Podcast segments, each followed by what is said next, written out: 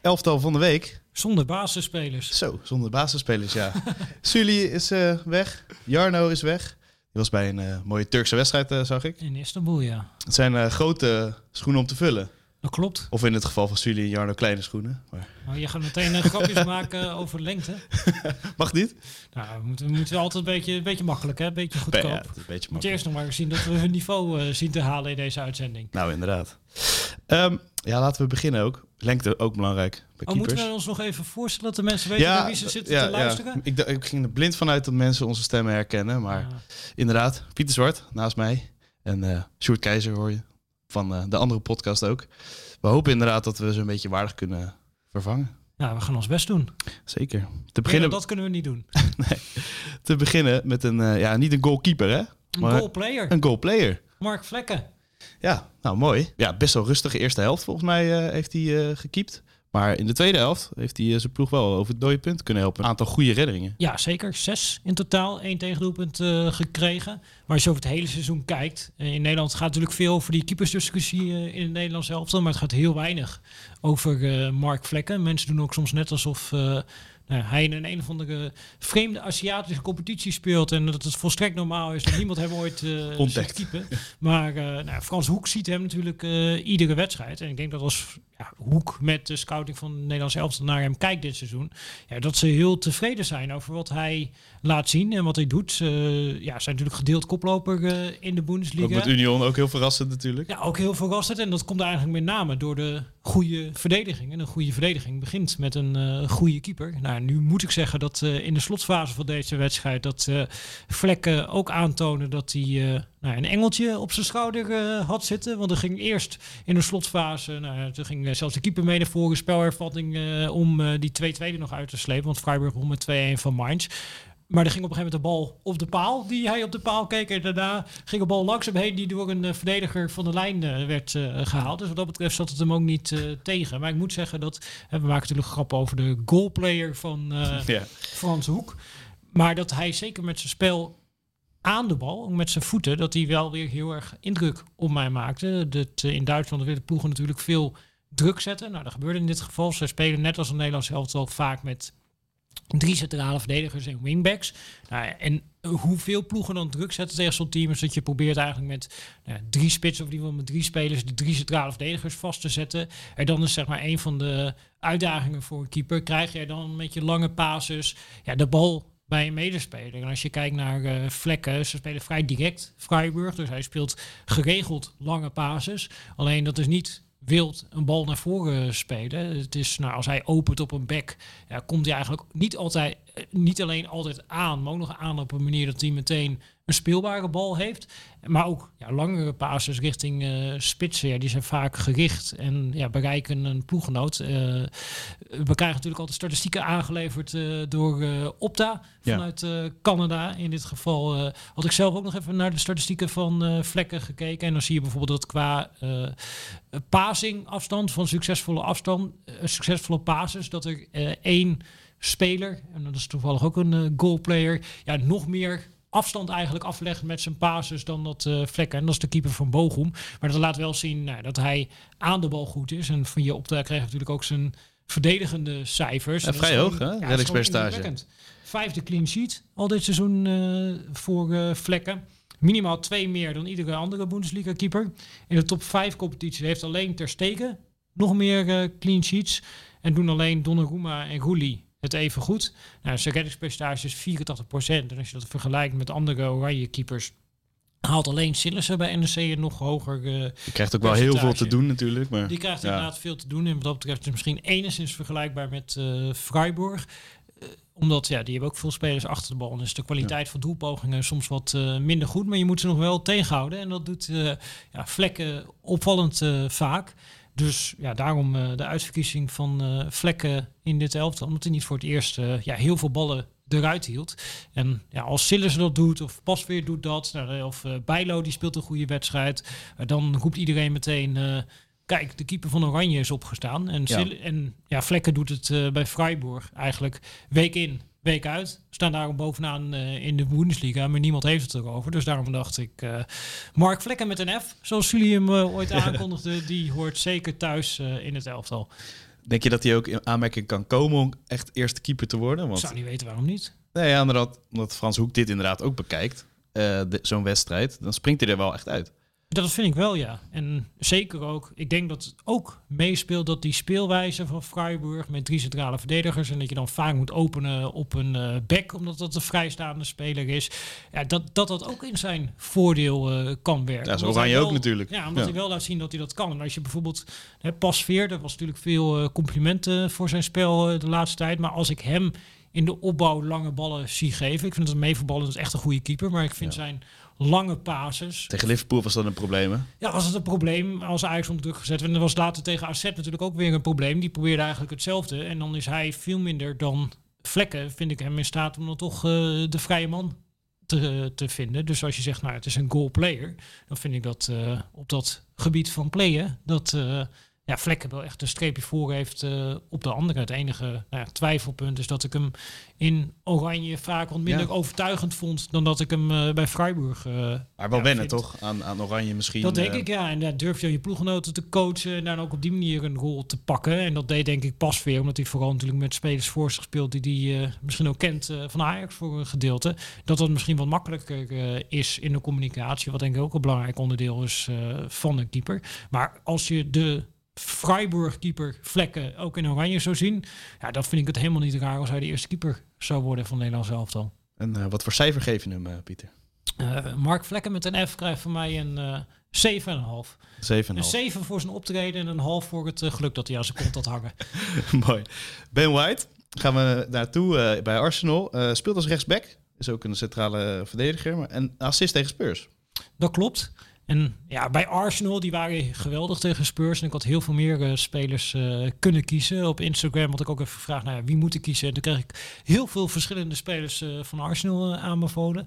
Natuurlijk eh, Saliba. Ja. Die eh, was voor vond ik hem al geweldig bij Marseille. Is nu... eh, Een soort veldheer is het, hè? Ja, die, die, die heeft ja, continu de bal en die gaan allemaal naar dezelfde kleur. Hij stond natuurlijk ook in het eh, laatste elftal van de week, wat eigenlijk een elftal van de maand was. Dus Ja. ik dacht, ja, het wordt ook een beetje een herhaling van zetten om hem te gaan kiezen. Je had Ja. natuurlijk Thomas Party.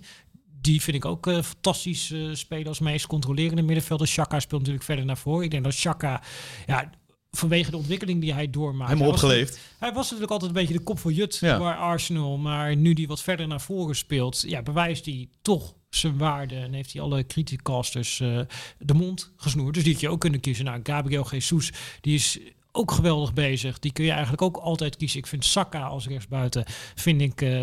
Weergeloos is heel belangrijk in die eh speelstijl. Dus ja, je kunt zo, en dat, dat laat ook wel zien op welk niveau Arsenal nu eh, presteert. Je kunt zo vijf, zes spelers noemen van Arsenal die het eigenlijk verdienen. Je had ook gewoon heel Arsenal bij wijze van spreken, elf van de week. eh, en de trainer erbij ook nog. Ja, maar ik dacht, White is wel leuk om te doen, omdat hij A gewoon goed speelde. Hij stond tegenover Jeuming Son, wat normaal gesproken natuurlijk de gevaarlijkste aanvaller is van Tottenham. Ja. Maar die heb je eigenlijk bijna niet gezien. En ik denk dat dat heel erg te maken had ook met de ja, tactische rol die eh, Ben White vervult bij eh, Arsenal. Als je gaat kijken hoe Arsenal opbouwt, dan is hij vaak in eerste instantie een soort van derde centrale verdediger naast eh, Saliba en eh, Gabriel. En op die manier staat natuurlijk eigenlijk altijd goed. Hij geeft daar natuurlijk ook Sinchenko, die linksback is, geeft hij heel veel vrijheid om nou ja, dan wel als linksbuiten, dan wel als een soort van linker middenvelder eh, op te duiken. Dus die kan ja, vrij naar voren bewegen, omdat hij weet dat drie spelers achter hem staan met eh Party, die dan vaak die zone daarvoor eh, bewaakt. En op die manier haalden ze eigenlijk ja, de counters er heel goed uit. En je zag dat in de eindfase, op het moment dat Spurs helemaal teruggedrukt is, dan kwam hij er soms wel overheen aan de buitenkant. Nou, dat begint ook een van de doelpunten, eh, begint eh, daarmee. Hij geeft natuurlijk zelf ook nog een eh assist op party. Dat is Nou, wel opzij leggen. Dat was inderdaad Ja. opzij leggen, maar het was wel weer zo'n situatie dat hij ja, op een gegeven moment in de eindfase bijsluit. En dat dan eigenlijk bij Spurs onduidelijk is van wie moet hem op dat moment om- opvangen. ook omdat En hij niet helemaal aan de zijkant aankomt natuurlijk. Dat klopt. Dat Beetje klopt. ertussenin hangt hij steeds. Ja, en dat hij heel laat eigenlijk eh, pas komt. Dus hij blijft heel lang achterin hangen. Dan denk ik, oh ja, nee, die staat centraal achterin. Hoeven we ons geen zorgen over te maken. En op een gegeven moment komt hij toch. En ik denk ook dat de manier waarop hij speelt, vaak zie je dan toch ook een beetje, dat zag je bij Spurs natuurlijk ook, dat soms Son, op het moment dat hij niet opkomt, en dan blijft hij ook een beetje voorin hangen. En dan krijg je dat een buitenspeler, zoals Saka, dat hij heel veel in de 1 tegen 1 kan komen met een back zonder dat de buitenspeler eh, hem ondersteunt. Dus ook op die manier ja, past hij heel goed in het eh, elftal van Arsenal. We hebben natuurlijk ook de statistieken. Mhm. Die bevestigen het ook. Dat is altijd Ja, lekker, toch? Dat is altijd lekker, ja. Je bent eh, altijd een beetje nerveus van, eh, komt, het, eh, komt het eruit, wat ik denk gezien te hebben. Maar hij gaf natuurlijk een assist. Nou, dat was de eerste Premier League goal waarbij hij direct betrokken was. Hij had samen met Saliba de meeste balcontacten, won al zijn drie duels. En had het gedeeld hoogste aantal uitgevoerde tackles, drie. Dus nou ja, eigenlijk zowel aan de bal als verdedigend een hele belangrijke schakel eh, in dit Arsenal-team. En het is een speler, ja, je kunt naar een wedstrijd kijken en je hebt Ben White niet gezien. Maar omdat je Ben White niet gezien hebt, heb je Jeume Zon niet gezien. En ik dacht, eh, daarom verdient hij het wel om in het elftal te staan. En dat zal hij waarschijnlijk prachtig vinden als hij hier naar luistert. Ja, als hij hier naar luistert, dan eh, doet eh, Ben White met een glimlach op zijn gezicht, denk ik. Precies. Mooi. En wat voor cijfer levert het op voor Ben White? Ben White een 8. Een 8. Oké, dan gaan we door naar een andere centrale verdediger. Eh, je hebt er eh, drie opgesteld trouwens. Zeker. Eh, Ik ben Chris- gewoon heel modern. ja, heel Ik modern. Ik denk, ik, Wingbacks. wil- ik vind het ook altijd belangrijk, we moeten een systeem maken wat je daadwerkelijk, wat een coherent elftal zou kunnen zijn. Want anders kun je natuurlijk allemaal alleen aanvallers selecteren. Dus ik heb een systeem gekozen met drie centrale verdedigers. Ik heb ook nog grotendeels geprobeerd om spelers op plekken te zetten waar ze ook daadwerkelijk staan bij een team. Dus we spelen een 3-4-2-1 systeem eh, eigenlijk. Het eh, PSG systeem. En een systeem wat natuurlijk veel teams tegenwoordig eh, spelen. En eigenlijk Arsenal in balbezit spelen ook Ja. op die manier. Dat is ook een signaal Dat is Dat- ook een signaal. Dus, voor Arsenal. ja, dus, dus ik, heb, ik heb geprobeerd om ook nog spelers op de juiste plek te zetten in het elftal. Dus we, voegen hele nieuwe componenten toe aan dit team. Heel mooi, heel mooi. En daar past Chris Smalling perfect in, vind jij? Zeker. Is natuurlijk de middelste centrale verdediger bij eh AS Roma. Maakte daar eh, ja, het winnende doelpunt eh, tegen Inter. En dit is natuurlijk ook weer zo typisch. Soms, dat vind ik leuk om spelers erin te zetten die dan vaak een beetje... Dus zo typisch een verdediger. Die wordt op de Nederlandse tv wordt hij uitgelachen omdat hij niet zou kunnen voetballen. Ik vind dat hij meevoetballend eigenlijk best wel goed is voor een eh, centrale verdediger. Vond ik ook al in de periode dat Van Gaal eh, bij United zat en een Mike Smalling eh, noemde. Maar toen liet hij wel zien dat hij een van die spelers was nou, die, die dat gedeelte kon oppakken. Nou, hij is natuurlijk niet de allerbeste voetballende verdediger. En wat dat betreft is Mourinho voor hem een perfecte trainer. Omdat hij hoeft hij ook niet met grote ruimtes in de rug te spelen, wat zijn grootste kwetsbaarheid is. En als je hem puur laat doen waar hij goed in is, namelijk duels uitvechten, verdedigen en naar iemand in dezelfde kleur spelen die meer met de bal kan dan hij. En ook Ja, nog dan- wel een beetje naar voren, dat kan hij wel. Ja, Het is niet alleen maar opzij. Nee, het is ook inderdaad eh, af en toe eh, naar voren naar een eh, middenvelder. En nou ja, hij is natuurlijk ook zo'n speler dat je vaak ziet als een team met drie speelt. Dan gaat de middelste centrale verdediger kan op een gegeven moment inschuiven naar het middenveld. Nou, daar is Smalling in principe ook nog wel toe in staat. Dus nou, hij kan best wel het een en ander. En als je hem op zijn kwaliteiten benut, dan zie je dat hij ja, gewoon nu nog mee kan in de Europese top. En dat bewees hij ja, met die winnende goal tegen Inter. Ja, en waar ligt het dan aan dat mensen dan... Ze zien een sterke verdediger en dan denken ze per definitie al van hij kan niet voetballen. Wat, wat is dat, die gedachte bij, bij Nederlandse pers of trainers? Nou ja, is vaak natuurlijk een beetje een associatie. Eh, ik zou iedereen aanraden die deze podcast luistert. Ik kom nu ook gewoon een boekenrubriek in deze podcast. Doe ik ook op dit, Ja, ja. je moet, je moet eh, het Ja. boek van eh, Daniel Kahneman lezen. Die heeft twee boeken eigenlijk geschreven. Dat is een nou ja, professor, psycholoog, die allerlei wetenschappelijk onderzoek heeft gedaan naar hoe werkt het brein. En eigenlijk is zijn conclusie dat het grootste gedeelte van de dingen die wij op een dag doen, doen we onbewust met ons onbewuste brein. En we kiezen graag een ja, snelle route om de simpele reden dat je kunt niet over alles nadenken Mhm. op een dag. Eh, dus nou ja, veel gebeurt onbewust. En kijk, je kunt twee dingen doen als je naar een verdediger kijkt. Je kunt of op instad als een wedstrijd 90 minuten lang terugkijken om te kijken, kan hij daadwerkelijk goed verdedigen? Of je kunt een snelle route pakken, een eh, shortcut eh, in eh, de Engelse termen. En dan ja, kijk je naar hem, denk je, oh, hij is groot, hij is lang, hij is sterk, zal wel niet kunnen voetballen. En dat is natuurlijk wat ja, iedereen ja, snel zal doen. En, en analisten ook doen. Analisten inderdaad. Die krijgen eh, 30 ook. seconden om te vertellen, dus ja, dan, dan Ik kan me krijg nog je een dat. fantastisch onderzoek eh, herinneren. We nemen nu wel allerlei afslagen. Maar ik geloof dat dat er ook bij hoort. Jullie doen dat natuurlijk Ja, ook zeker. altijd. Er Wat op was de vraag moment- ook alweer, vraagt Ja, wat was de vraag ook alweer? Er was op een gegeven moment een basketbalteam eh, in Amerika. En het gaat natuurlijk ook vaak hè, bij spelers. Ja, wordt gezegd, oh, dat is een nieuwe Messi of de nieuwe Ronaldo. Of hij lijkt op die, of hij lijkt op Pietje, of hij lijkt op eh Klaasje. Dat gebeurt natuurlijk in het basketbal ook continu. Eh, en wat ja, zij terugzagen als scouts met dat soort rapporten, rapporten kwamen, dat ze vaak een speler kozen die fysieke gelijkenis vertonen. En zij hebben toen de stelregel ingevoerd dat je, als je een speler gaat vergelijken met een andere speler, dat het niet een speler van hetzelfde ras mag zijn. Dus dat, dat die totaal andere fysieke kenmerken in ieder geval moet hebben qua huidskleur. Uh, en dat je dan ja, eigenlijk een eerdere, eerlijkere vergelijking maakt dan wanneer je eigenlijk puur afgaat op uh, oh ja, hij uh, Nathan Ake lijkt fysiek wel een beetje op Frank Rijkaard. Dat is een nieuwe Frank Rijkaard. Terwijl ja, het is uh, geen middenvelder zoals Rijkaard nee. vaak was. Het is een linkspoot in plaats van een rechtspoot. Objectief slaat het nergens op. Objectief staat het inderdaad nee. nergens op. Zoals ook bijvoorbeeld Joel Matip. Daar vind ik ook een heel mooi voorbeeld van. En daar hoor ik ook wel eens over van. Nou, die kan niet opbouwen. Ja, dat is qua carries, zoals ze dat tegenwoordig mooi noemen. Namelijk gewoon het indribbelen van achteruit. Ja, is dat een van de beste verdedigers van Europa. Alleen, ja, als je naar hem kijkt, denk je, ja, lang, slungelig, uh, ja, zal technisch niet zo begaafd zijn, terwijl hij dat wel is en dat je hem eigenlijk heel moeilijk uh, onder druk kan zetten. En ja, ik denk dat dat voor Smalling ja, in mindere mate, kijk, ik vind het is hij niet de beste verdediger ter wereld, maar in deze specifieke rol die hij van Mourinho krijgt, ja, daar is hij uh, perfect geschikt voor. En welk cijfer leeft dat op, Pieter? Ik geef uh, Chris Smalling een uh, 8,5. Zo, dat ja, is uh, wel een stukje hoger. Even, ja, moeten we even de statistieken erbij noemen. Ja. Hij maakt natuurlijk de winnende goal. 97% van zijn passes in deze wedstrijd kwamen aan. Hoogste aantal van alle basisspelers. En hij kwam tot 7 verdedigende acties. Minimaal vier meer dan iedere andere speler op het veld. Dus uh, objectief gezien uh, de grote uitblinker. En eigenlijk doe ik hem misschien nog met een 8,5 tekort. Want als je naar de cijfers kijkt, heeft hij eigenlijk niks fout gedaan in deze wedstrijd. Eigenlijk is het de 10.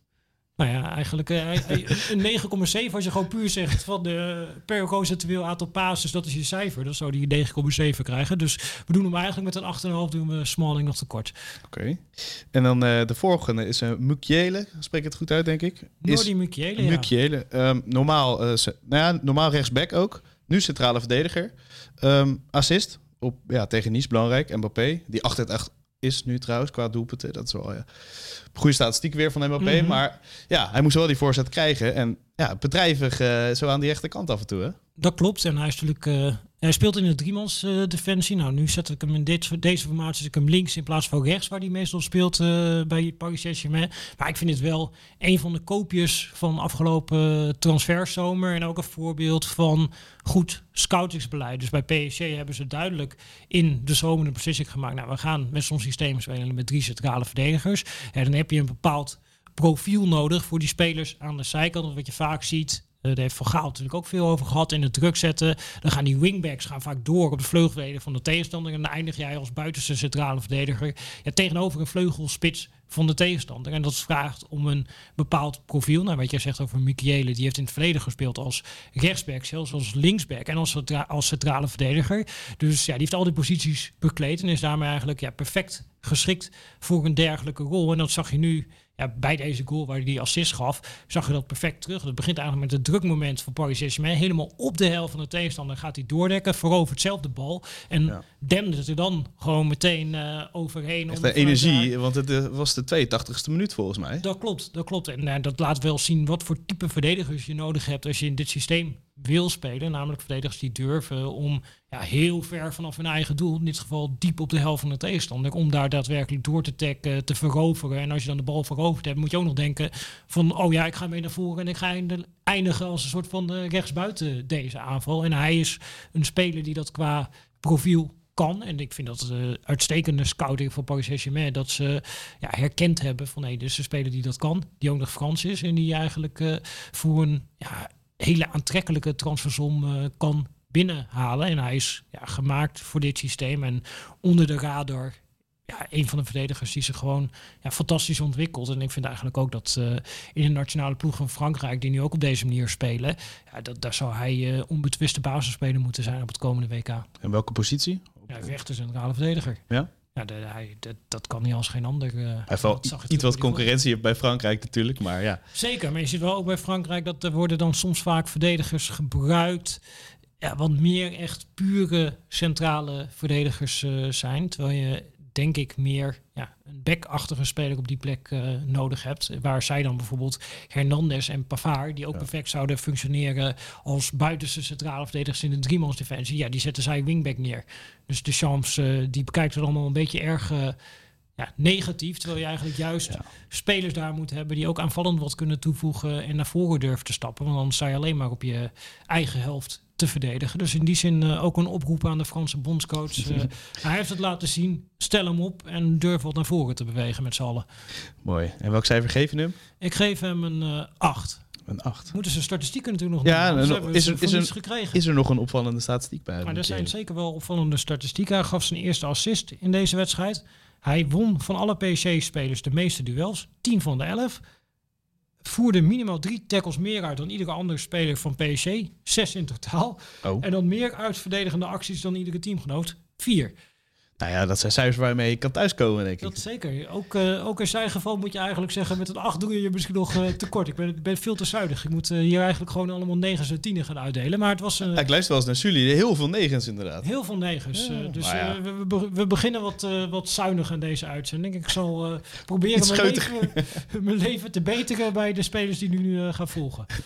Dan gaan we naar de wingbacks in het systeem, denk ik. Ja, Alejandro Bandé, 18 jaar. Dat is wel indrukwekkend dat je bij Barcelona gewoon 90 minuten in de basis staat. En het is een linksback en hij speelde rechtsback. Ik heb hier ook, Dat ook eh, dit is ook een beetje, het zijn uitverkiezingen is ook een, uit, een ode aan eh Solly March. Die ik eigenlijk in mijn elftal in eerste instantie wilde zetten. Totdat Trossard zoveel doelpunten ging maken dat ik dacht... Kon niet eh, meer anders. Ja, daar, daar kun je niet meer omheen. Baalde je ervan of niet? Nou, ik, ik baalde er wel een beetje van. Ja, ik vond het. ja, ik dacht misschien Veldman, misschien de March. En ja, die March, dat vind ik. In die zin, eh, ik dacht, eh, we moeten er ook een beetje een educatief elftal van maken. Wat, wat ik een leuke trend vind, we hebben net gehad over eh, een rechtsback die eigenlijk speelt als centrale verdediger. Maar wat je nu ook terugziet bij die wingbacks. Nou, dat, dat is natuurlijk een aantal jaar is dat gaande in het voetbal. En je gaat dit, dezezelfde trend zien bij onze linker wingback. In eerste instantie werden daar vooral ja, rechtspoten op rechts en linkspoten op links Ja. gezet. Die dan de hele flank gaan bestrijken. Zoals Denzel Dumfries eh, dat doet eh, in het Nederlandse elftal. Hans Hatenboer, Robbie Gozes. Allemaal dat soort types zag je die ja, longen als een paard hebben. Achterlijn halen. En de hele wedstrijd inderdaad eh, heen en weer kunnen lopen. En in een eentje eigenlijk die flank bestrijken. En wat je nu een beetje ziet bij teams die met wingbacks spelen... is dat je daar een beetje een soort van soortgelijke evolutie terug ziet... die je op een gegeven moment hebt gezien met vleugelspitsen. Namelijk dat spelers met hun verkeerde been op een bepaalde kant komen te staan. Nu was het bij Balde was het in dit geval eigenlijk ingegeven door eh, nood bij Barcelona dat hij eh, tegen Real Mallorca op die plek eh, speelde. Maar wat ik zei, nou, March is een voorbeeld daarvan. Trossard heeft die rol ook geregeld onder Graham Potter ingevuld. Nou, onze linker wingback waar we later aan toe komen. En dat is ook weer een voorbeeld van een rechtspoot die dan Teaser. weer op links staat. Ja. Maar dit, dit heeft toch wel voordelen. Want jij, als zo'n jongen de hele flank bestrijkt, à la Dumfries, het heeft ook iets voorspelbaars. Je weet, op een gegeven moment komt hij uit bij de linksback. En wat je ziet bij dit soort spelers, dat ze op een gegeven moment ja, hun natuurlijke kant gaan opzoeken. Dat zag je bij March tegen Liverpool ook goed. Dat, ja, die komt op een gegeven moment komt hij gewoon naar het centrum gelopen. En dan, ja, als een rechtsback in één keer het centrum inloopt, ja, gaat dan Robertson helemaal met hem mee? Of wie moet hem dan overnemen? En Je merkt dat daar... Het wordt onduidelijker. Ja. Ja, er wordt heel veel onduidelijkheid eh krijg je. Plus je ziet dat ja, de pases die zij kunnen geven, nou, je hebt het net over de achterlijn halen.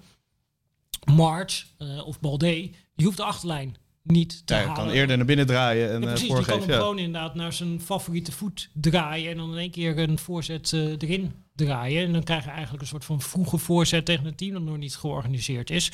Dus dit, zie je eigenlijk steeds meer eh, gebeuren. En nu eigenlijk Ja. Staat er al een naam voor eigenlijk? Voor, voor een, ja, het is natuurlijk een wingback slash buitenspeler. ja, dat, dit, En nu dit- met een verkeerde been. Is Ja, daar een nieuwe naam voor? Nou ja, toen Guardiola het ging doen, dit voor het eerst werd dat op een gegeven moment natuurlijk eh, inverted wingback genoemd. En nu heb je eigenlijk, ja, dit, dit is een inverted wingback, maar dan met zijn verkeerde benen aan de verkeerde kant, zeg maar. Ja. Dus, Dus, eh, eh, er moet nog een term voor komen. Ja, inverted wingback XXL. Dus misschien als de mensen deze podcast luisteren en denken, ik heb een goede suggestie eh, Ja. voor deze naam, dan ja, zijn die meer dan welkom.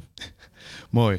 Ehm, Zo'n voorbeeld, ja, 18 jaar. Kan hij ver komen als- back, denk je? Dan denk ik wel. Kijk, Jordi Alba die loopt op zijn laatste benen. Dus dit is gewoon de toekomstige linksback van Barcelona. Tenzij deze trend zich zodanig gaat, voor, gaat De voortzetten. rechtsback is. Of, Ja, wat je wil. Dan wordt het eh, rechtsback. Je zou zelfs nog kunnen zeggen, nou, als al die vleugelspitsen, als die met name naar binnen kappen, dan heeft het ook nog een voordeel dat je daar, en dan kan je eigenlijk over je goede been verdedigen in plaats van over je verkeerde been. Dus misschien zien we over eh, vijf jaar wel alleen maar eh linkspoten op rechtsback en rechtspoten op linksback. Ik heb wel medelijden met de Nederlandse analisten die daar dan eh, aan zouden moeten gaan wennen dat dat eh, de nieuwe norm is. ja, dan zeggen ze, waarom houden we het niet eh, bij het oude eerst? Ja. En daarnaast toch wel handig. Nou ja, precies. Ja. Maar goed, in principe lijkt hij mij de toekomstige linksback van Barcelona. Ze hebben vermogens uitgegeven om die aan te kopen. En die bleek gewoon in de jeugdopleiding rond te lopen. Mooi hoe dat loopt, hè? En dan ook door nood kwamen we hierachter dat dat dus toch wel handig is in het systeem van Xavi. Dat klopt. En ook geweldige statistiek eh Ja, ja. doorgestuurd. Ik schrok er bijna van toen ik de 105 statistieken zag. balcontacten. De, de jongste die dat eh, voor elkaar kreeg. Ja, de jongste inderdaad meer dan 105 balcontacten. Hij had er 106 106, zelfs. Ja. Ik snap Ja, dat je op een gegeven moment de tel kwijtraakt. eh maar dat laat ons zien dat ook ja, ploeggenoten hem durven aan te spelen. Zelfs op een ja, wat ongebruikelijke positie. En ja, we hadden het net over de paasnauwkeurigheid Ja, ik van, zie het staan. onze grote vriend Smalling. Het is niet normaal, eigenlijk. 99 procent. Ja, en 86 verstuurde passes. Ja, Dus Ja, dus- 99, ja, dat is... eh, nou, eigenlijk eentje, eentje dus mislukt en de rest allemaal eh, aangekomen. En ja, juist voor een back die in principe wel de weg naar voren zoekt, is dat eh, vrij uitzonderlijk. Dus hij kwam op een totaal ongebruikelijke positie terecht als 18-jarige bij Barcelona. En ja, vulde dat in alsof hij zijn hele leven niks anders heeft gedaan dan eh, rechtsback staan. En ik denk dat dat wel iets zegt over de potentie van Alejandro Balde. Dan ben ik benieuwd naar je cijfer, Pieter. Ik geef hem een eh 8,5. Een 8,5. Mooi, mooi. En We dan, bouwen het rustig op. ja, nee, zeker. En dan met een hele mooie naam. André Frank Zambo Anguissa. Van, eh, Eigenlijk alleen op basis van zijn naam ja, hij al in het prachtige voetbalnaam. En twee goals, terwijl hij normaal niet zo heel veel scoort. Hè. Het was wel bijzonder voor hem. Nou, tot, eh, tot deze wedstrijd, eh, ik zag die statistiek bij Optaal voorbij komen tijdens de wedstrijd, had hij eh, twee doelpunten, geloof ik, twee competitiedoelpunten gemaakt. En dat deed hij nu binnen, binnen 10, 15 minuten had hij dat al eh, voor elkaar. Verdubbeld gewoon. Ja, en ja, dat heeft ook wel te maken, denk ik, met de rol die hij krijgt bij Napoli. Eh, die, we gaan natuurlijk veel over Napoli hebben, omdat die gaan tegen Ajax spelen dinsdagavond. En dan eh, gaat eh, heel Nederland eh, gaat het eh, ook zien wat voor rol hij heeft. Maar ik vind dat wel, ik vind dat altijd leuk. Als een, hij is altijd een balafpakker geweest eh, op het de middenveld. Ja, bij ja. Marseille, bij Fulham. En ja, enige taak die hij daar vaak kreeg was... Ja, blijf maar achter de bal, win je duels en speel daarna naar iemand in dezelfde kleur. En hier is hij eigenlijk ja, naar voren geschoven. Een beetje als een soort van eh, bodyguard van Stanislav eh, Lobotka. Dat is de, ongeveer de kleinste verdediger middenvelder in de geschiedenis van het voetbal. Die is volgens mij ongeveer eh, 1,65 meter. 65. En ja, die is de spelverdeler voor de defensie eh, bij Napoli. En hij staat er als rechter, ja, rechter aanvallende middenvelder staat hij er eigenlijk schuin voor. En heeft hij een beetje de taak om in eerste instantie nou ja, hem te helpen in het verdedigende werk. Maar aanvallende mag hij bijsluiten in de 16. In dit geval omdat eh, Victor Osimhen is geblesseerd. De spits spelen nu met eh Raspadori, wat meer een uitzakkende spits is. En dan ontstaat natuurlijk ook veel ruimte voor ja, middenvelders om erin te komen. Nou, ze spelen naast Lobotka en Anguissa spelen ze daar met eh Piotr Zielinski. Ook een geweldige speelmaker, maar ook iemand die het liefst ja, bal in zijn voeten krijgt. Nou, hij is, Anguissa is eigenlijk degene die het verst vooruit speelt eh, als Napoli de bal heeft. En ook veel in de 16 komt. Dus het eerste En- doelpunt, eh, die kopbal wel een voorbeeld van. Dat klopt. En eh, nou, we hebben hem natuurlijk ook gezien tegen eh, Liverpool. Kwam hij ook een paar keer ook voor, voor die goals goed in de 16. Dus ja, de- hij voegt dan nu als extra facet toe aan zijn toch wel best wel complete spel. En ja, dat is een middenveld. Dat is ja, perfect eigenlijk in balans. Dan in balans op een andere manier dan dat we normaal gesproken gewend zijn. Want als je eigenlijk naar die types kijkt, dan zou je traditioneel gezien zou je zeggen, nou ja, de balafpakker zetten we verdedigd op het middenveld en we zetten de twee spelmakers daarvoor. En ja, hier draaien ze het eigenlijk om bij Napoli. Zeggen ze, de, beste voetballer zetten we voor de verdediging. Dan de andere spelmaker ja, links daarvoor. En de meest vooruitgeschoven speler is eigenlijk de meest defensieve speler. Dus het is net als met die eh, backs die je met een verkeerde been, het is allemaal omgekeerde Allemaal anders. logica. Ja. Het is allemaal anders, maar het werkt eh, fantastisch voor Napoli. En zolang uh, Osimhen er niet is, denk je dat hij wat meer goals gaat maken? Dat komt wel vaker in die positie, denk ik. nu. Ja, hij gaat vaker in die positie eh, komen. En dat zie je ook al in zijn onderliggende cijfers. Dat hij veel meer schiet dan in eerdere seizoenen. Dus dan zullen ook de doelpunten vanzelf eh, gaan komen. Precies. En uh, als we naar uh, zijn statistieken kijken, ook nog wel uh, bijzonder, toch? Heel bijzonder, ja. Ik, we zagen in de statistieken van Opta voorbij komen dat hij bijzonder veel balcontacten heeft. Alleen Milinkovic-Savic heeft nog meer balcontacten, middenvelder van Lazio. En Waar normaal echt altijd de bal heen gaat. Dat klopt. En alleen Milinkovic Savic en Sabiri van Sampdoria wonnen meer duels. En hetzelfde geldt voor uh, luchtduels voor uh, middenvelders. Dus dat laat wel zien dat hij en veel in het spel betrokken is. En dat hij fysiek sterk is en dus veel uh, duels kan winnen. En daarnaast staat hij in de top 5 van meeste intercepties. Samen met onder meer Martin de Roon. En hij staat uh, op de elfde plek wat betreft aantal carries. Hebben we natuurlijk eerder ook aangehad. Het vermogen om met de bal aan de voet in te dribbelen. Dus dat is ook nog een uh, ja, aspect wat hij uh, beheerst. Waarbij hij natuurlijk ook weer zijn... Ja, die, die benen die zijn zo lang. Dat kun je eigenlijk ja. bijna niet bijhouden. Als Ik hij wil net zeggen, met de bal aan de voet. als je dit hoort, lijkt me heel erg slopend zo'n wedstrijd. Want je doet alles. Je bent de hete heen en weer aan het gaan. Dat klopt. Maar dat houdt hij moeiteloos dat vol als je naar kijkt. moeiteloos vol. En als jij tegenover hem staat op het wedstrijdformulier... Je dat niet gaat moeiteloos vol. Dat, Kenneth Taylor gaat Zo. dat zijn. Ja, dat wordt lastig. Ja, die, die, die, die krijgen natuurlijk, dat hebben ze tegenwoordig allemaal op van die mobieltjes. En dan krijgen ze die fragmenten toegestuurd. Maar dan denk je toch... Uh, Dan zie je hem alleen maar heen en weer rennen. En dan denk je, oh, zin in dinsdag. Ja, dat, uh, dat gaat wel, uh, dat gaat wel pittig worden. is ook voor ja, wel een interessant examen tegen ja, deze speler die eigenlijk alles blijkt te kunnen sinds hij bij Napoli speelt. Maar zou Scheuder dan niet iemand anders erop zetten? Ja, wie dan? Berghuis. Ja, nee, ja. Hij wil ook altijd met Taylor spelen. Dus ik denk dat je niet anders kan. Ja, en Taylor heeft natuurlijk ook wel echt dat loopvermogen en die conditionele inhoud. Dus in principe is, is die ideaal om er tegenover te staan. Alleen het is uh, Ja. vanuit Ajax perspectief, alleen vanuit Taylor's perspectief. uh, ik zou liever zeg maar tegenover uh, Zielinski staan. Uh, Ja. Hoewel ook die uh, tegen Frenkie de Jong heeft laten zien dat hij uh, 90 minuten lang achter een middenvelder aan kan lopen zonder moe te worden. Dus uh, ja, het is sowieso uh, lastig. Maar misschien nog de meeste kansen liggen voor Ajax is uh, ten opzichte van Lobotka. Stel dat je daar ik verwacht dat ze met Bergers gaan spelen. Maar stel dat je daar een type als Davy Klaas opstelt... die juist wel Ja. die fysiek heeft... dan kan dat misschien een duel zijn, een koppeltje... waar je een voordeel kan halen. Zou sowieso Klaassen verdedigender misschien een keer opgesteld kunnen worden, omdat hij inderdaad dat loopvermogen heeft? Of heb je dan niks meer aan hem aanvallend? Nou, dan aanvallend brengt hij minder. En ik, Ten Hag heeft dat natuurlijk een periode geprobeerd. Uh, Ja. En het nadeel van hem op die plek is wel dat hij heeft die drang naar voren. Die wil je er ook niet uithalen. Maar dan is hij op een gegeven moment weg. En dan moet je daarnaast weer iemand zetten die Ja. in positie blijft. En hij is natuurlijk ook niet de spelverdeler voor de verdediging. Dus stel dat jij Alvarez ernaast zet om in positie te blijven. Ja, wie gaat dan de opbouw vormgeven? Dan krijg je een beetje wat je bij Nederland had tegen België. Toen die, dit koppeltje op een gegeven moment erop stond.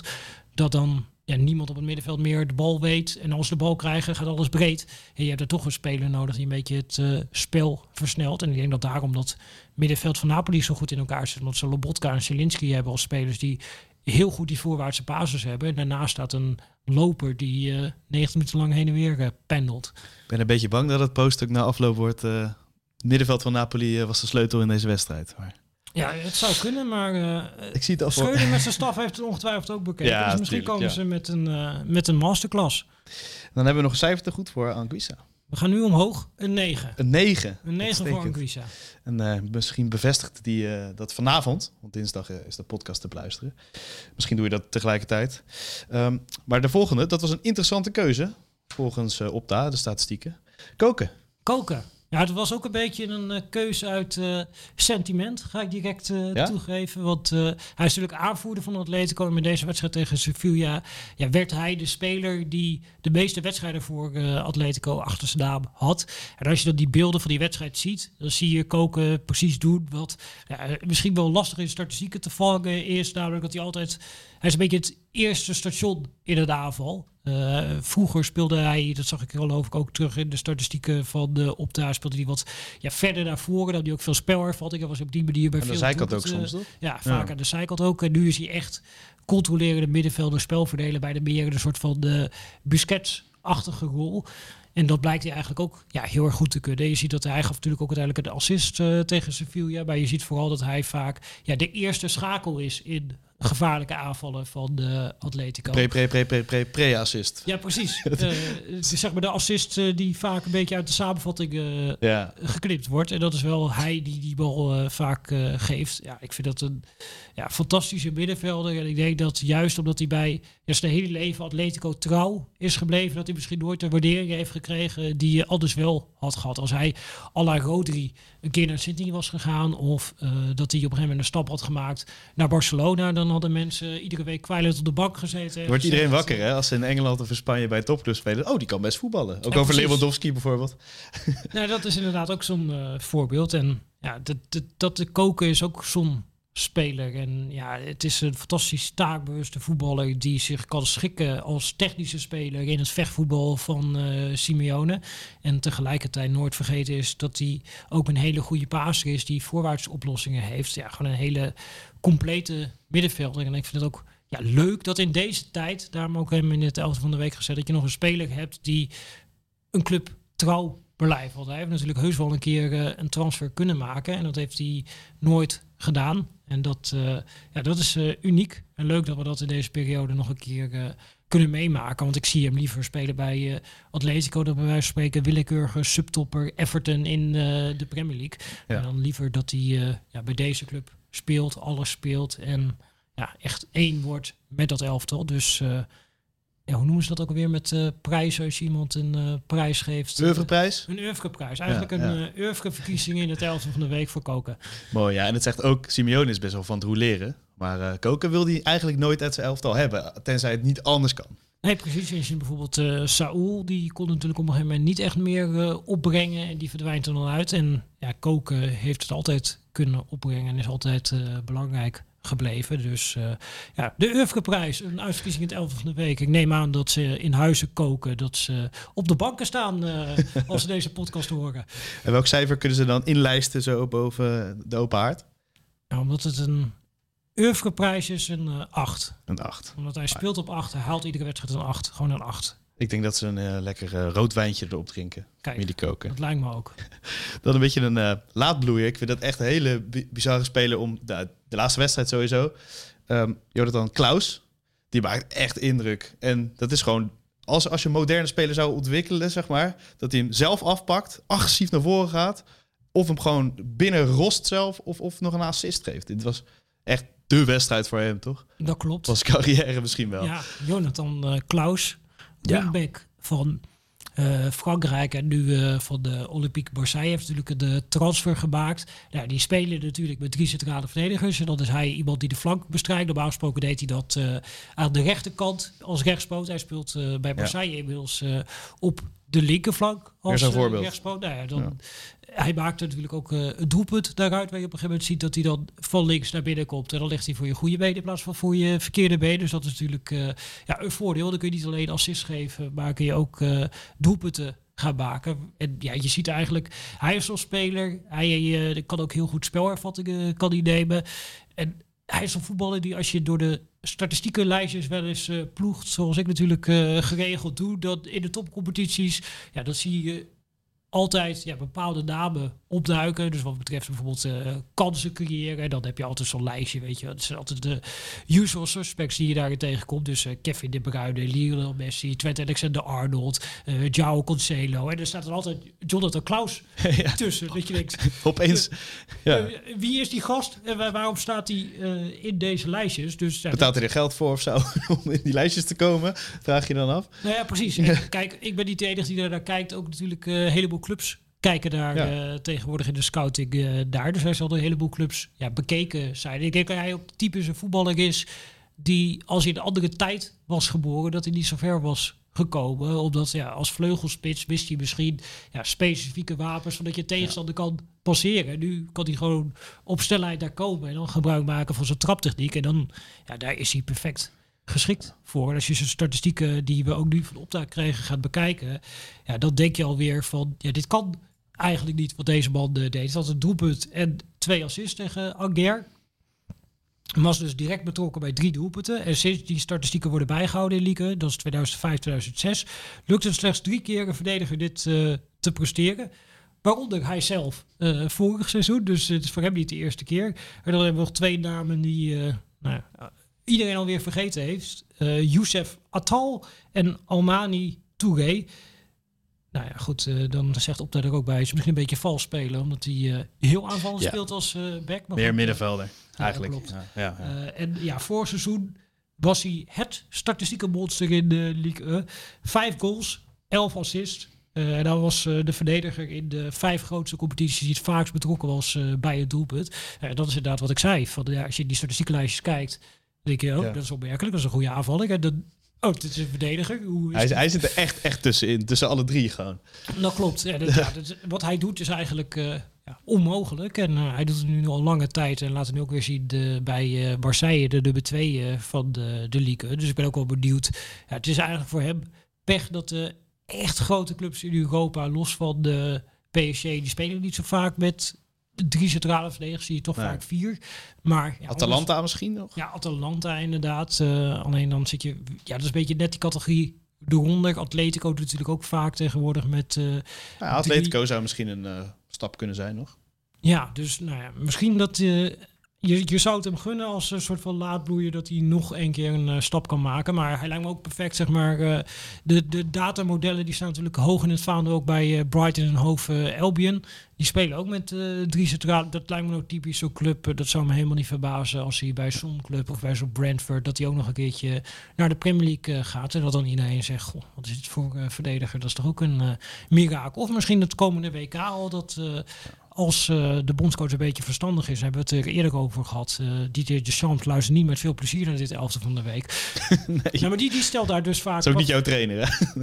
nou ja, ik, ik, ik heb wel heel veel waardering en respect voor de manier waarop hij een verdedigende organisatie kan neerzetten. En ik sta er, uh, denk wat genuanceerder in dan de gemiddelde Nederlandse analist in, in zijn vakwerk. Op zich het idee van ik zet gewoon met acht verdedigers de organisatie neer. Het drie bogen het uitzoeken. Ik vind dat in landenvoetbal best een plausibele strategie. Maar ik zou wel zeggen, als je dan toch met wingbacks gaat spelen, je hebt ja, de perfecte wingback eigenlijk rondlopen, ga hem dan opstellen daar in plaats van een uh, verkapte centrale verdediger. En dat kan links en dat kan rechts. Dus uh, ja, misschien dat hij komende WK in de groepsfase dat hij wel gewoon uh, gaat starten. En dat dan iedereen zegt zo, Jonathan Klaus, dat is toch ook een uh, uitvinding. En ja, al die mensen. Je hebt het hier in ieder geval al een keer gehoord. En ik kan me niet anders voorstellen dan dat uh, Sully hem ook regelmatig veer in de reet gestoken heeft. Ja, zeker. En ik vond het vooral bijzonder om te zien dat hij twee keer waar een goal uitkwam, zelf die bal veroverde. Toch? Dat, ik denk dat daar een trainer echt absoluut verliefd op wordt. En ja, deze zeker. beelden constant laat zien heel het seizoen.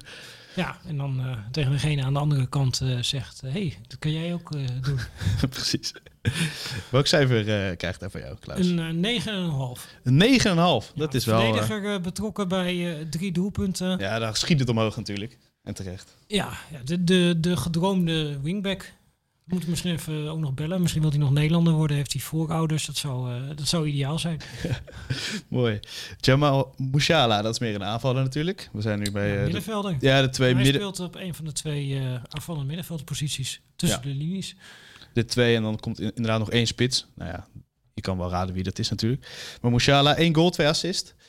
Dat is ook ja, zo'n jonkie waarvan je denkt, waar gaat het ooit eindigen, toch? Dat klopt. En bij Bayern is daar natuurlijk heel veel keuze ook uh, voor in. En dat je... Ja. En dan toch de basis, dat is toch bijzonder? Ja, precies. Hij is zeker toch een van de eerste die uh, Julian Nagelsman op het wedstrijdformulier zet. En hij, hij is niet alleen technisch heel begaafd, maar ook nog eens heel slim in het positie kiezen en zichzelf vrijspelen tussen de linies. Dus dat is wel echt ja, een genot voor het oog eigenlijk alles wat hij doet. En nu ook in dit geval, ze hebben natuurlijk uh, met Duitsland interlandperiode achter de rug. Eigenlijk die halve club staat in de fik omdat uh, Bayern verliest. En dan zijn ze allemaal niet zo gewend dat ze niet uh, bovenaan staan. En dan speuren ze wedstrijd tegen Leverkusen op vrijdagavond. Nou, het kan niet anders dan dat Dagos nog maar één of twee trainingssessies heeft gehad. Met in het, het Oktoberfest trouwens. Ja, precies. en, je, en je staat dan in de basis en dan heb je meteen op die manier pak je je rol op die leeftijd. Ja, ik denk dat dat ja, alles zegt over zijn kwaliteit. En Ryan Graafberg loopt daar natuurlijk ook rond bij uh, Bayern München. Is eigenlijk dezelfde leeftijdscategorie. En als je dan hem afzet ten, ten opzichte van Musiala. Ja, ik vind dat daar een wereld... gat. Ja, er zit een wereld van verschil zit daar uh, tussen. Ja, ik vind dat een fantastische speler, uh, Musiala. En ja, ik kan niet wachten om hem ook uh, op het WK in actie te zien. En ik vind sowieso Bayern München, vind ik... ze staan niet bovenaan. Ik, ik begrijp niet waarom, want ik heb ze nou, veel zien spelen. Ik vind dat eh, het ziet geweldig in elkaar, dit elftal. En, dat komt wel goed dus. Dat Ja, is altijd ik, eigenlijk. Ik maak me er geen enkele zorgen over dat eh Bayern eh, kampioen wordt. En eh nou ja, Musiala is daar een van de redenen voor. Ja, en als tiener staat hij ook helemaal bovenaan, hè? Ja, Betrokken en- bij goals in de grote top 5 competities. Klopt. Hij staat op één. En je hebt het lijstje natuurlijk ook voor je. Dus je Ja. ziet wie op eh, twee staat. Aan- Bailly van Montpellier. Nou ja, ik neem aan dat daar binnenkort dan een eh megabedrag voor eh, betaald eh, wordt om hem weg te plukken bij Montpellier. En de nummer drie is Ansu Fati. Dus ja, dat- dan sta je ook wel in een lijstje van de absolute toptalenten. En hij is na Geraldo Becker Ja, dat is wel mooi om te noemen, hè? betrokken. Ja, die, die is aan een fantastische periode bezig. Ook de MVP van de Bundesliga. En Fulkrug, die stond in eerste instantie stond hij met potlood in mijn elfde van de week opgeschreven. De spits van Werder Bremen. Die eh, inmiddels op, bij acht doelpunten betrokken is geweest en er ook een hoofdgoal had. Alleen toen kwam er een eh, ander eh, fenomeen kwam, langs en haalde eh, uit het elftal. Maar die zo op deze manier toch nog even genoemd. En hij is samen met Kingsley Coman in 2016 was dat de enige tiener die voor Bayern München deze eeuw direct betrokken was bij drie goals in één Bundesliga-wedstrijd. Dus ja, de statistieken spreken voor zich. Musiala is een fenomeen. En dat levert in? 8,5. Uitstekend. Nou, als hij wingback had gespeeld, had hij een 9 gehad. Precies. Even een klein stukje naar achter. Ja. Dan krijgt hij een hoger cijfer. Dan eh, gaan we naar iemand toe waar je ja, misschien dus een beetje zuur over was dat hij in je team kwam. Hè? Maar ja, drie goals, dan verdient het wel. Nou, hij verdient het zeker. En eh, hij is aan een geweldig seizoen is hij eh, bezig. Ik heb ook echt van hem genoten in die wedstrijd tegen Manchester United. Die is toen ook totaal overklaste. Ja, toen was hij de linker wingback. Nu speelde Estupinan daar, die we in Nederland ook weer gaan tegenkomen op het eh, WK. En was hij meer ja, de aanvallende middenvelder slash tweede spits.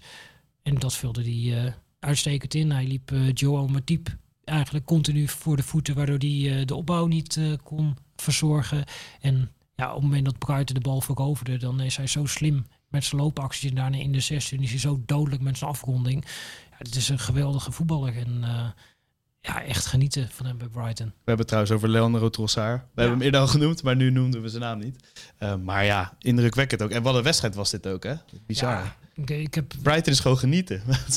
ja, weet niet apart om te zeggen of zo. Als je Ja, twee, zeker. drie jaar geleden dat bedacht.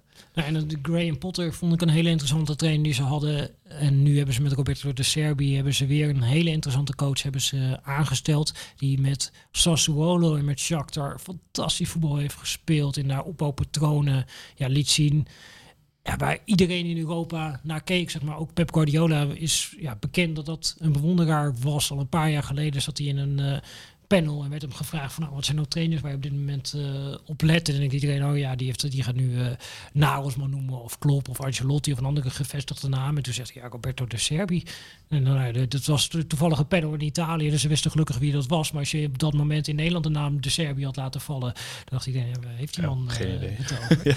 Maar ja, die liet Sassuolo echt aanvallend voetbal spelen. Heeft dat ook bij eh, Benevento heeft hij dat eh, gedaan in zijn carrière. Helemaal in de krochten van het Italiaanse voetbal begonnen. Bij uh, Foggia was zelf een ja, technische nummer 10. Nou, hij is eigenlijk in die zin, hij, qua verhaal doet hij een beetje denken aan Arne Slot. Ja, ik wil dit in zeggen. de Ja. zin van een, ja, een technische nummer 10. Hij die zou zichzelf niet opstellen waarschijnlijk. Nee, eh, die houdt van aanvallend voetbal en die vervolgens zoekt naar ja, wat zijn manieren waarop je toch aanvallend verzorgd voetbal kan spelen in het tijdperk van nu. En ja, veel ja, tactische innovaties die komen toch een beetje ja, bij hem vandaan. Bijvoorbeeld, het was natuurlijk op een gegeven moment, we hebben het over inverted wingbacks gehad. Eh, en een van de dingen die hij ook veel deed bij Sassuolo en op een gegeven moment de City dat ook gaan kopiëren, dat je die ja, wingbacks niet alleen naar binnen zet, maar echt extreem ver naar binnen zet eh, in de opbouw. En dan eigenlijk met drie spelers heel kort bij elkaar gaat spelen. Nou, dat was een van de opbouwpatronen die hij er op een gegeven moment daar heeft ingeslepen. En dat zag je als een soort van ja, golfbeweging door Europa gaan. Ik kan me vorig seizoen herinneren dat op een gegeven moment uh, die had een uh, groot stuk, dat is een Duitse tactiekwebsite, over ja, de opbouwpatronen van het Shakhtar Donetsk van de Serbië. En hij is ja, typisch zo'n trainer die in dat soort kringen van tactiek nerds ja, rondgaat. Iedereen over ik wil net zeggen, wie, wie zoekt dat allemaal op inderdaad? Maar ja. misschien wat luisteraars. Ik wil niemand beledigen. Maar... Nee, maar dat... Uh, ja, goed dat je uitlegt. Dit, dit, dit gaat uh, rond en dan weet je ook, zeg maar... Nee, dit hoor je ook van eredivisie-trainers, zeg maar. Die, die volgen hem. Hij, zeg maar, in die zin, hij valt een beetje in die categorie... Sampaoli, Bielsa, uh, Ranjik. wat ook wel voorbeelden van Slot trouwens. Ja, ja. en nou, ik weet, die, die, die is ook bekend met het werk van de Serbië. Maar ook bijvoorbeeld Koen Stam, die hoofdmethodologie is bij de jeugdopleiding van Feyenoord. Die, nou, als je met hem uh, begint te bomen over de opbouwpatronen van de Serben, die kun je ook zo drie uur uh, verder zijn. Dus zeg maar, ja, in het wereldje in Nederland ja, lopen gewoon veel trainers rond die ook ja, kijken naar hem, zoals ook Guardiola kijkt naar hem. Uh, en ja, wat ik wel interessant vond is dat hij komt natuurlijk binnen bij Brighton en dan denk je, oké, ja, wat gaan ze doen tegen Liverpool? Gaat hij dan, want ze hebben jarenlang vaak met drie gespeeld, wel tactisch variabel erin. Potter die uh, wisselt vaker van uh, formatie dan van onderbroek.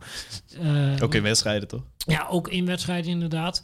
Ik weet, een, Manchester City had tot voor kort een Nederlandse analist met hem ook al eens over gehad, dat hij zei van ja als we die gingen analyseren, Brighton, daar hadden zeg maar de meeste hoofdbrekers van, uh, van tevoren. Ook Guardiola, die werd er helemaal gek van. Dat ja, vaak, zeg maar, ook als een team veel van formatie wisselt, dan kun je op een gegeven moment wel een patroon erin herkennen. Dat je zegt van, oh ja, als ze tegen 4-4-2 spelen. Ja, of als ze een goal dit. tegen krijgen of in de slotfase. Ja, precies. Ja. Uh, en of tegen sterke team met vijf. maar bij hem, het, het leek soms wel volstrekt willekeurig. Wist hij het uh, zelf ook wel? Nou, denk je wel? Ja, ja, dat weet ik denk ik uh, zelf wel. Maar voor een deel was het ook ja, juist je ploeg erop voorbereiden in die zin ja, dat zeker bij een club als Brighton is natuurlijk een voordeel als je eigenlijk iets kan doen wat de tegenstander verrast. En dat deed denk ik de Serbië in dit geval ook tegen Liverpool. Want ik denk dat ze bij Liverpool in de staf, ik had het eigenlijk even bij de lijners moeten navragen. Maar ik kreeg de indruk dat ze eigenlijk voorbereid waren op dat hij 4-3 zou gaan spelen. Zoals hij dat gedaan had bij Shakhtar Donetsk. En bij uh, Sassuolo heeft hij bij Sassuolo ook een seizoen 3-2-4-1 uh, gespeeld. Uh, nu uh, denken mensen ook, uh, dat gaat niet goed met het leven. Want Pieter, wat die, ja. die noemt even alle systemen op die Rob, Roberto de Serbi heeft gespeeld. Maar in dit geval ging hij eigenlijk dus door op de weg van Potter. En dat vind ik ook wel weer grappig hoe dat gaat. Dat hij legt eigenlijk helemaal, ja, niet of nauwelijks zijn eigen accent. En ging door op iets wat zijn voorganger had ingeslepen. Op zich klinkt het logisch natuurlijk als je net ja, aan de slag gaat bij een team, dat klopt. toch? En ja. de wedstrijd wordt 3-3. Uh, en het wordt uh, in Engelse media weggezet als de, de Serbië uh, masterclass.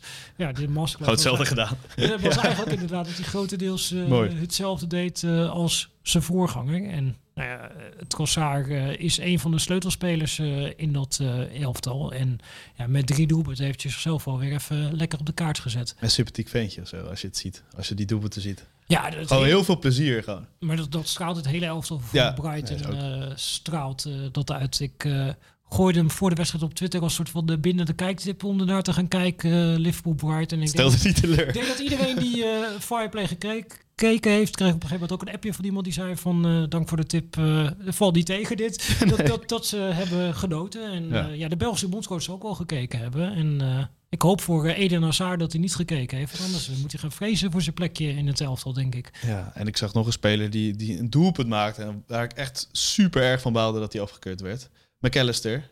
Ja. Zo, dat, dat, dat schot, dat, dat, nou ja, het, ging, het is dat het net stevig uh, gespannen staat, maar dat is niet normaal hoe die binnenvloog, toch? Dat klopt. En die vrije trap ook nog. Wel, ik vind het heel grappig dat hij het McAllister en de eerste keer dat je hem ziet spelen, weet je wel, dat, dat denk je, oh, ja, oh, McAllister, ja, die hebben ze ergens, hebben ze bij Brighton hebben ze die opgepikt uit de Championship. En die doen nu mee op het middenveld. Dat is iemand uh, met een Engelse vader en een Engelse moeder die uh, jarenlang in de krochten van het Engelse voetbal gespeeld heeft. En dan ga je hem opzoeken, dan blijkt het de Argentijn te zijn. ja, ja, heel vreemd. Maar niks past daar ook bij, dat je denkt, uh, ja, wat, wat is Argentijns aan deze jongen? Maar ja... Ja, wel een, wel. Ze schot wel, wel misschien. een hele goede voetballer. En ik vind ja. uh, die uh, jongen die ernaast staat, Caicedo, dat, ja, die, dat is ook een speler die... Het zou me niet verbazen als die uh, 100 miljoen gaat opbrengen in de komende jaren. Speelt bij Ecuador natuurlijk ja. ook op het middenveld. Dus die gaan we op het WK ook weer Die gaan we tippen natuurlijk als speler. Die gaan we tippen als speler binnenkort. Ik sluit zelfs niet uit dat we dat volgende week al gaan doen in oh. V. Dat we het gaan hebben over de Ecuadorianen van uh, Brighton. Ja, moet even gaan leven dat WK, hè? Dat ja, moeten we eventjes dus, goed uh, tegenaan. Iedere week uh, gaan we in VI en of VI Pro uitgebreid bij stilstaan. En dan komen deze jongens natuurlijk ook aan bod. Maar we moeten nog even de bijzondere statistiek van hem doen. Zeker. Hij maakte natuurlijk een hat-trick op Anfield in de Premier League. Nou, spelers die dat eerder deden. Peter en Lovu namens Coventry City in 1995. Ja, Nou, dat natuurlijk. is een quizvraag die ik niet... eh, Toen was ik nog niet geboren. Maar eh, ja, Op dat soort momenten mis je Michel Abbing. Nou ja, Arsjevin, die maakte er ooit eh, vier bij Arsenal. Die wedstrijd kan ik nog wel heel goed eh, herinneren. Ja. Ik was eh, altijd dol op de voetballer eh Arsjevin. En nu dus eh, zo hard. Dus hij komt wel in een eh, bijzonder rijtje te staan. En is dit seizoen al direct betrokken bij zes goals in de Premier League. En van alle Belgische spelers in de grote vijf competities doet één iemand dat beter. Kevin de Bruyne. ja nou, dat En als dat dan ja, twee tieners zijn, eh, als eh, Roberto Martinez zijn, dan hoef je over dat gedeelte van het elftal denk ik weinig zorgen te maken. Die bondscoaches hoeven helemaal niks meer te doen eigenlijk gewoon. Hè? Alle tips komen naar ze toe. Gewoon. elf van de week te luisteren en dan wordt het zo wordt het allemaal eh, ingevuld. En welk cijfer geef je nu? Ik geef hem een eh 10. Het Een 10. op Anfield, daar kun je er niet omheen. Echt, nou, prachtig. En ehm, ja, de laatste, dat is natuurlijk ook een speler. Ja, we gaan het er in de video straks over hebben. Ook mooi dat het helemaal op het einde komt. Hey, de speler van de week is Erling Haaland, hè? Ongelooflijk. Ja, We hadden het er vanmorgen ook zo, ja. Nou, ik denk wel dat speler van de week eh Erling Haaland is. Je zei, ja, kan er niet omheen. ja, je kunt er niet omheen. Ook al zou je het willen. Maar Ja, ja ook al. Ja, ik ik eh, had eh, tal van eh, andere spelers van Manchester City er dolgraag ingezet. Omdat ze tactisch Foden. hele interessante dingen deden. Inderdaad, Foden, die kun je noemen. Ik vond dat het Ake in die wedstrijd vond ik fantastisch spelen. Hele belangrijke rol. Bernardo Silva, Kevin De Bruyne. Je hebt zo een heleboel spelers van City kun je noemen. Ederson had je erin in kunnen zetten. Maar ja, Haaland. ik, ik schreef voor die wedstrijd een stuk op VE Pro waar het ging over de tactische rol van Haaland. En dat hij daar door Guardiola niet werd gebruikt als meevoetballende spits, maar puur een afmaker. En wat voor invloed dat had op de rest van het elftal. En dan zul je natuurlijk altijd zien dat de eerstvolgende wedstrijd gaat Guardiola hem eigenlijk gebruiken als een eh, uitzakkende spits. Hij had tegen United ja, meer balcontacten dan eh, ooit eh, in de Premier League. Dus dat, dat was al het nieuw record. Hij had meer balcontacten dan ooit in de vijandelijke 16. En ja, hij kwam tot ja, een aantal ongekende cijfers. Hij creëerde bijvoorbeeld vier kansen, wat ook ja, vrij uniek was. Geeft twee assists en maakt ook nog drie doelpunten. Ja, dit is bijna onmenselijk. Je kunt hem ook, zeg maar, we moeten straks een cijfer gaan geven. Maar je kunt eigenlijk, Ja. met, bij hem moet je... doen we nu nog van- niet, toch? Nee. Nee, maar je moet een soort nieuwe telling, denk ik, gaan creëren. elf. om hier, eh, om hier nog eh, uit te kunnen komen. Dat, het is een totaal ander eh, universum waarin hij zich begeeft. En ja, er is volgens mij niet echt een reden, een manier te verzinnen om hem te stoppen. Dit is eh, ja, ongekende spits. Drie hat-tricks eh, na acht eh, Premier League duels. Dat is niet te geloven. Nee, ja, als jullie zeiden dat hij er vijf ging maken. Nou, dat gaat hij wel halen, denk ik. Dat gaat hij zeker halen. Hij heeft Ja. nog een eh, half seizoen om dat te doen. De enige is, eh, ja, blijft hij fit? Maar zelfs daar zijn ze bij City eh, zeer eh, proactief eh, mee bezig om eh, dat element, eh, zelfs naar de nationale ploeg van Noorwegen ging eh, een persoonlijke fysio van eh Haaland mee. En Guardiola kreeg er voor de wedstrijd ook veel ja, vragen over, over Haaland, de fitheid van Haaland. En die, die gaf er uitgebreid uitleg over. En ook, nou, het ging bijvoorbeeld over, eh, dat, dat zijn dan van die leuke details. Het ging over, voor de wedstrijd ook over eh, Martinez. Er werd gezegd, oh ja, die is kleiner dan Haaland. eh, dus ja, gaan jullie dan daarvan veel gebruik maken? Nou, toen legde Guardiola meteen uit van, oké, Martinez vond hij een fantastische speler. En agressief en goed in luchtduels waar eigenlijk een lange bal komt. Maar hij zei er ook bij, ja, in de 16 kan het een voordeel zijn.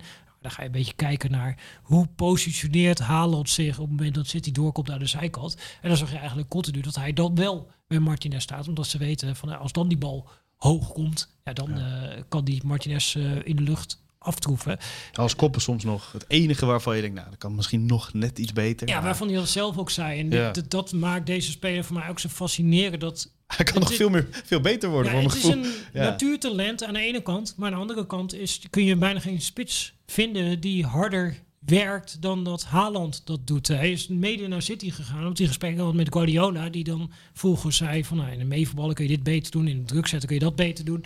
En ja, hij was een obsessief kijker van eh, de teams eh, van Guardiola. Puur omdat hij gefascineerd was door die manier van spelen. Kijk, ja, je kunt je als spits ook makkelijk maken door misschien een team te gaan waarvan je weet, oké, ja, ze gaan alles Ga aan ook mij goals maken. afstemmen. En Ja. ik eh, ga vervolgens eh, de ballen erin schieten. Als hij bij wijze van spreken naar PSG was gegaan, ik had de ballen van Messi, Neymar en Mbappé, ja, dan had hij heel makkelijk gehad dat hij geen nieuwe elementen moet toevoegen aan zijn spel. Maar hij kiest bewust eigenlijk voor de moeilijke weg door naar City te gaan, door naar de Premier League te gaan en zich op dat niveau ja, te testen en te meten. En En hij wil zich in elk land gaan zien, hè, eh, laten zien, heeft hij gezegd. Dus City Ja. is ook niet zijn eindstation.